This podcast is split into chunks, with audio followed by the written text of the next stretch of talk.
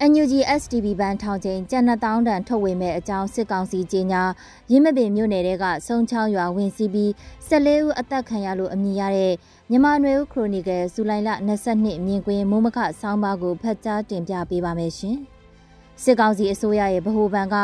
ကျန်နှစ်တောင်းတန်ငွေဆက်ကူတွေကိုလာမဲ့ဇူလိုင်လ31ရက်နေ့ကစတင်ထုတ်ဝေသုံးစွဲမယ်လို့ကြေညာလိုက်ပါတယ်။ ပြီးခဲ့တဲ့နှစ်တွေအတွင်းမှာတခါတရံငွေကြေးဖောင်းပွားမှုဖြစ်ပွားတဲ့အခါမျိုးမှာကောလာဟလတပွဲပြောဆိုကြတဲ့ပြောဆိုချက်ကအခုတော့လက်တွေ့ဖြစ်လာခဲ့ပါပြီ။ငွေဆက်ကူကျပ်2000တန်ထုတ်မယ်ဆိုတဲ့ရွယ်ချက်က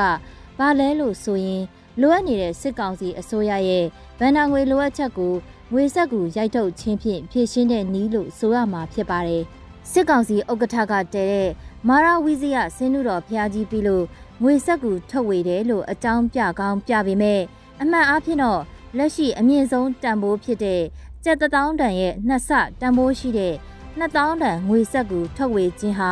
လှည့်ပတ်သုံးဆွဲနေတဲ့ကြက်ငွေပမာဏတွေကိုနောက်ထပ်အတိုင်းအတာတစ်ခုမြန်မြန်ဆန်ဆန်ဝင်ရောက်လာမဲ့သဘောဖြစ်ပြီးဒီလိုကျပ်2000တန်ထုတ်ဝေခြင်းကြောင့်လက်တွေ့မှာငွေပမာဏဘလောက်ထပ်ဝင်လာမယ်မသိသေးတဲ့အတိုင်းငွေကြေးဖောင်းပွားမှုစိုးရိမ်မှုက ချက်ချင်းမြင့်တက်လာမဲ့အကျိုးသက်ရောက်မှုလည်းရှိလာနေပြီလို့ဆိုနိုင်ပါတယ်။ဘောဂဗေဒကျွမ်းကျင်သူမဟုတ်ဘဲတာမန်အရက်သားတယောက်အနေနဲ့တော့တွေးကြည့်ရင်တန်ဖိုးအမြင့်ဆုံးငွေဆက်ကူဖြစ်တဲ့ငွေကျပ်1000တန်ထက်နှစ်ဆရှိတဲ့ငွေဆက်ကူထုတ်ဝေခြင်းဟာအစိုးရအနေနဲ့ငွေဆက်ကူအရေးအတွက်နည်းနည်းရိုက်ထုတ်ပြီးအသုံးစရိတ်ပမာဏများများလိုချင်တဲ့သဘောကိုနားလည်နိုင်တာဖြစ်ပါတယ်။ကျပ်2000တန်ခရက်ကဈေးကွက်ကငွေလဲနှုန်းရွှေဈေး အိမ်ဈေးကားဈေးတွေကိုစတင်တက်ရောက်နိုင်ပြီးနိုင်ငံခြားငွေနဲ့လဲလှယ်ရမှာမြန်မာကျပ်ငွေတန်ဖိုးကျခြင်းကြောင့်နေ့စဉ်လူမှုဘဝကိုမြန်မြန်ဆန်ဆန်တက်ရောက်မှုတွေရှိလာနိုင်တာဖြစ်ပါတယ်။လောင်စာစီဈေး၊စားသုံးစီဈေးပြည်ပကတင်သွင်းတဲ့လူသုံးကုန်ပစ္စည်းတွေအပေါ်မှာတက်ရောက်မှုရှိလာနိုင်ပြီးလက်လုံလက်စားသူတွေစက်ရုံအလုပ်ရုံကလောက်ခစားလက်ခစားလောက်ကင်နေသူတွေအဖို့ လောက်ခလစာမြင့်တက်လာဖို့မသေးကြချိန်မှာပဲဝင်ငွေကကျုံသွားတဲ့အကျိုးဆက်ကိုခံစားကြရမယ်အကျိုးသက်ရောက်မှုတွေမကြခင်မှာဖြစ်ပေါ်လာနိုင်ပါတယ်88ခုနှစ်ကနေ2010အထိအုပ်ချုပ်ခဲ့တဲ့အရင်စစ်အစိုးရလက်ထက်ကဗန္နာရေးလုံငွေကိုငွေဆက်ကူရိုက်ထုတ်ပြီးခက်လွယ်လွယ်ဖြည့်ရှင်းခဲ့ရက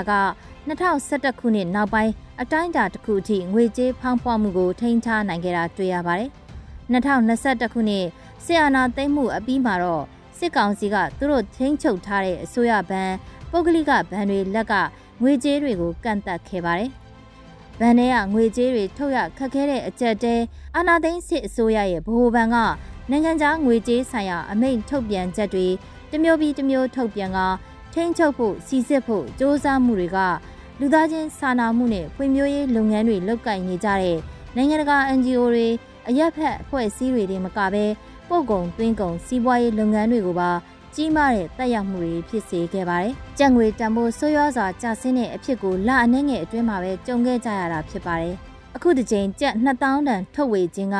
ကြက်ငွေတန်ဖိုးကိုဘလောက်ထိကျဆင်းစေအောင်မလဲဆိုတာတော့စောင့်ကြည့်ရမယ်အနေအထားဖြစ်ပြီးထိတ်ဆုံးကခံစားရမယ့်သူတွေကတနေ့လုံးမှတနေ့စားရသူတွေဖြစ်တာကြောင့်နိုင်ငံရေးမတည်ငြိမ်မှု လက်နက်ကင်ပဋိပက္ခတွေအပြင်ငွေကြေးဖောင်းပွားမှုရဲ့အကျိုးဆက်ကိုခါးစည်းခံစားကြရအောင်မဲ့သဘောဖြစ်ပါတယ်။နောက်တစ်ချက်စဉ်းစားစရာကလည်းမြန်မာစစ်ကောင်စီလက်ထဲကလဲပတ်နေတဲ့ဗန်စနစ်အတွင်းကငွေကြေးစနစ်နဲ့အပြိုင်အန်ယူဂျီရဲ့ digital currency ကိုပြည်ရင်းပြည်ပမြန်မာတွေကမြန်မာကျပ်ငွေနဲ့နိုင်ငံခြားငွေကြေးတွေနဲ့လဲလှယ်ပြီးလဲပတ်တဲ့စင်ပြိုင်ငွေကြေးဈေးကွက်ကစိတ်ဝင်စားမှုမြင့်တက်လာတာမို့စစ်ကောင်စီရဲ့2000တန်ငွေဆက်ကူတွေကိုဈေးကွက်ထဲသွင်းပြီး တုံ့ပြန်လိုက်ကြလားကလည်းမေးခွန်းဖြစ်လာပါတယ်။ဒီရက်တွေအတွင်းမှာ NUG ရဲ့ဗန္နာရေးဝန်ကြီးဌာနကຫນွေဦးဖွံ့ဖြိုးရေးဘဏ်ကိုစတင်ဖွင့်လှစ်လဲပတ်မှုစတင်လိုက်တာမို့မြန်မာအများပြားကလည်းသူတို့လက်ထဲကငွေကြေးစုဆောင်းထားတာကိုရွှေ့ပြောင်းဖို့လှုပ်လှုပ်ရှားရှားဖြစ်နေကြပါတယ်။မြန်မာငွေကြေးဖောင်းပွားလာရင်ဘယ်ဘဏ်ကိုပဲပြောင်းပြောင်းလက်ရှိစုထားတဲ့ကြက်တံဘိုးကမနေ့ကထက်ပိုပြီးကျဆင်းတဲ့ဆုံးရှုံးမှုကိုပြည်သူတွေပဲခံစားကြရမှာဖြစ်ပါတယ်။ ဒီကနေ့ဖို့အခြားသတင်းတစ်ပုဒ်ကတော့ရင်းမြစ်ပင်မြို့နယ်တဲကစုံချောင်းကျေးရွာကိုဇူလိုင်လ22ရက်မနက်ပိုင်းကစစ်ကောင်စီတပ်တွေဝင်စီးနှင်းပြီးကျေးရွာကာကွယ်ရေး PDF တပ်ဖွဲ့ဝင်တွေသာမကတာမန်အရက်သားတွေကိုပါနှိပ်စက်မေးမြန်းပြီးနောက်တပ်ဖြတ်ခဲ့တဲ့အဖြစ်ရဖြစ်ပွားခဲ့တာဖြစ်ပါတယ်။အစောပိုင်းသတင်းတွေထဲမှာကျေးရွာသားစုစုပေါင်း12ဦးအသက်ခံရတယ်လို့ရေးသားကြပေမဲ့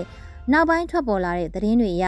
အရက်သား9ဦးအပါအဝင် PDF တပ်ဖွဲ့ဝင်နဲ့ ကျေးရွာကာကွယ်ရေးတပ်ဖွဲ့ဝင်တို့အားလုံးပေါင်းအမျိုးသား14ဦးတပ်ဖြတ်ခံရပြီးအဲ့ဒီထဲမှာအထက်တန်းကျောင်းသားအရွယ်အရွယ်မြောက်သေးသူ၄ဦးလည်းပါဝင်တယ်လို့ဖော်ပြထားကြတာတွေ့ရပါတယ်။စစ်ကောင်စီအနေနဲ့အရွယ်မရောက်အသက်မပြည့်သေးတဲ့လူငယ်တွေကိုလည်းလက်နက်ကင်ခုခံမှုမှာပါဝင်တယ်လို့တန်တရားနဲ့တပ်ဖြတ်လိရှိကြတာဖြစ်ပါတယ်။မြေပြင်အနေထားရကျေပြန့်တဲ့စကိုင်းတိုင်းကိုစစ်ကောင်စီအနေနဲ့စိုးမိုးဖို့စ조사နေချိန်မှာပဲ NUG လက်အောက်ကပကဖအဖွဲ့ NUG လက်အောက်ကမဟုတ်တဲ့ PDF အဖွဲ့တွေနဲ့